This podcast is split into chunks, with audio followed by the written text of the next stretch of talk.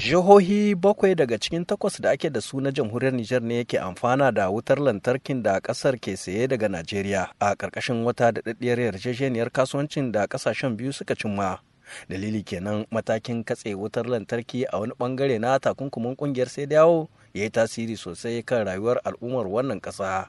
Kafin al'amura su fara daidaituwa a cikin daren laraba wayewar Alhamis, inda aka kwana ba tare da ɗauke wutar ba. Wanda kuma wata takaitacciyar sanarwa da aka bayar ta kafafen sada zumunta ta tabbatar da cewa an sake jona wayoyin wuta daga tashar makamashi ta birnin kebin najeriya.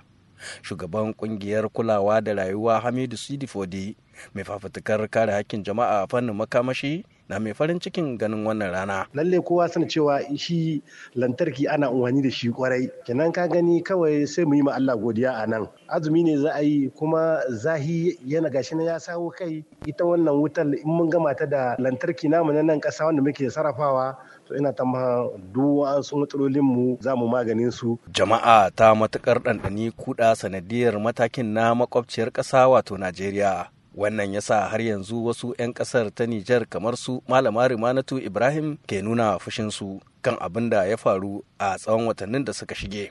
Ni dai kai gaskiya wanga abu da na ban ji daɗin shi ba.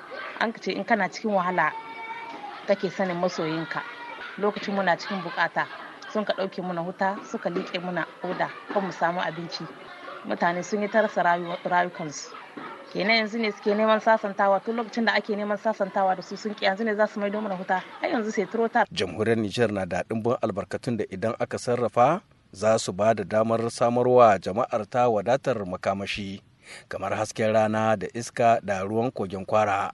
Hambarariyar gwamnatin ƙasar ta kafa tashar samar da wutar lantarki da hasken rana mai ƙarfin megawatt talatin. Ba idan wasu tashoshi na fil azal da ke samar da wuta da injin amma abin bai wadatar ba. Saboda haka 'yan ƙasar ke ankarar da hukumomi cewa abubuwan da suka faru a tsawon watanni bakwai na baya sun isa akwai darasi. Nan da gaba ƙasar Nijar ya zama to ƙasa ce mai cikakken inci. Ina son saƙon ga isa zuwa ga general imu abdulrahman chani da mambarin cnsp su nemi matakan da za su ɗauka. A washe garin barkewar dambarwar da ta taso bayan kifar da gwamnatin shugaba muhammad bazum hukumomin mulkin soja da wasu kamfanonin gwamnati da masu zaman kansu sun maka sai da yawo a kotu. Akan buƙatar ta ɗage takunkumi kan wutar lantarki ganin yadda abin ya ja musu asarar ɗimbin kuɗaɗen shiga.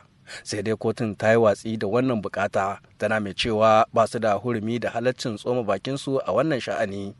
Kungiyar ecowas a zamanta na ranar 24 ga watan fabrairu ta ce ta ɗage takunkumin ne saboda dalilai na jin kai sule mummuni barma muryar amurka daga yamai a jamhuriyar nijar.